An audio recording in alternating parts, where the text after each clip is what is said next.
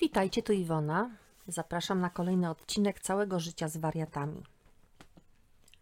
Na rozprawę rozwodową pojechałam wcześniej. Bałam się, że nie znajdę miejsca do zaparkowania i będę musiała daleko iść do budynku sądu. Byłam podekscytowana, ale nie zdenerwowana. Od czasu rozstania z Zenkiem byłam kilka razy w sądzie. Gmach i panująca w nim atmosfera nie robiła już na mnie wrażenia. Ludzie w togach przemykający cicho korytarzami, rozmowy prowadzone szeptem, przygnębieni oczekujący na wyroki. To wszystko było mi już znane. Cześć, powiedział jeszcze mąż. Cześć, odpowiedziałam chłodno. Nie dam ci rozwodu, ciągnął. O tym zdecyduje sąd. Odparłam i odeszłam w drugi koniec korytarza. O matko, złożył pozew o rozwód, a teraz nie da mi go. Najwyraźniej mój prawie były cierpiał na rozdwojenie jaźni. Przyszedł mój mecenas. Za chwilę pojawił się także jego parszywy przeciwnik, jak ktoś go kiedyś nazwał, czyli adwokat Zenka. Wywołano nas.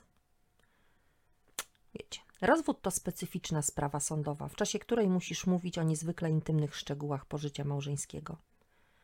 Sędzia chce wiedzieć, gdzie i kiedy dokładnie odbyłaś stosunek seksualny ze swoim jeszcze aktualnym małżonkiem.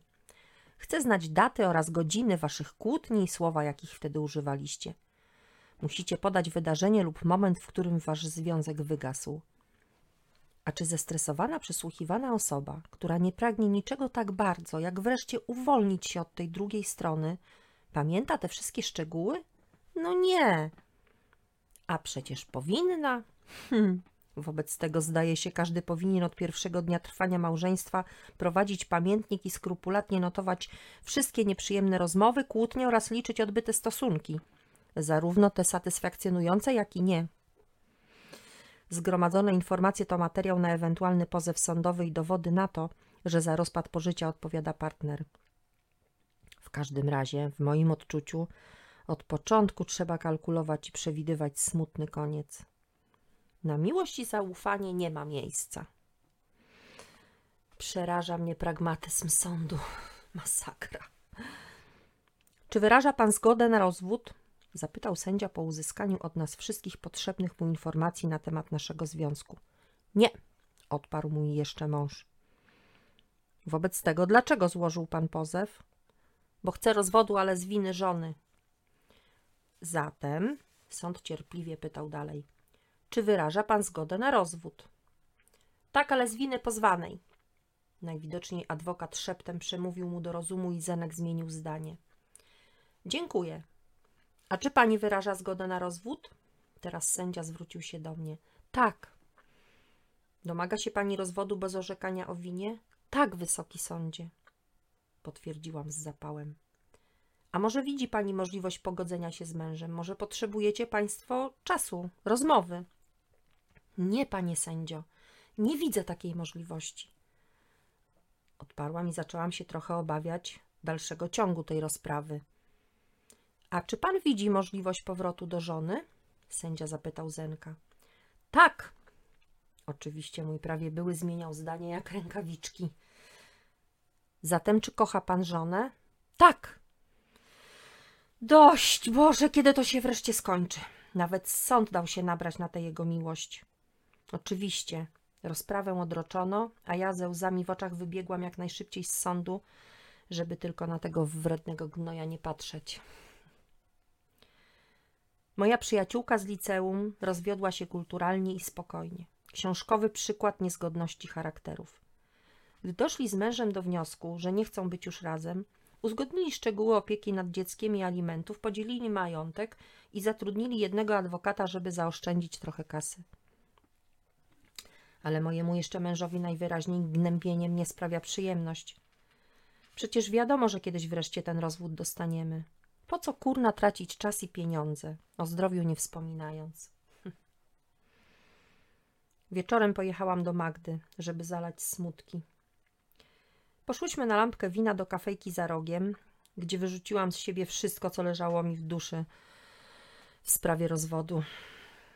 Cześć dziewczyny, możemy się przysiąść? Tadek z Krzyśkiem podeszli do stolika. Cześć, odpowiedziałam, choć na towarzystwo to ja ochoty nie miałam.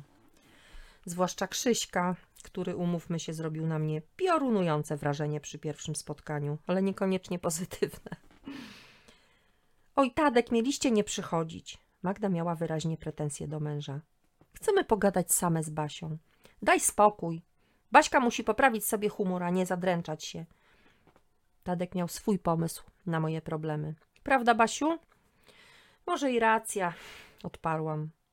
No, siadaj, Krzychu. Zamówię po piwku. Co dla was, dziewczyny?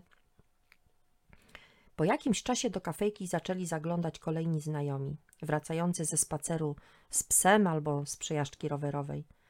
I tak zebrała się nas całkiem spora gromadka. Siedząc w kawiarnianym ogródku, połączyliśmy stoliki i dobrze się bawiliśmy. Już późno, zerknęłam na zegarek. Była prawie północ. Muszę jechać do domu. Jedziemy razem? Zapytała Beata, która przyjechała do rodziców mieszkających niedaleko mnie.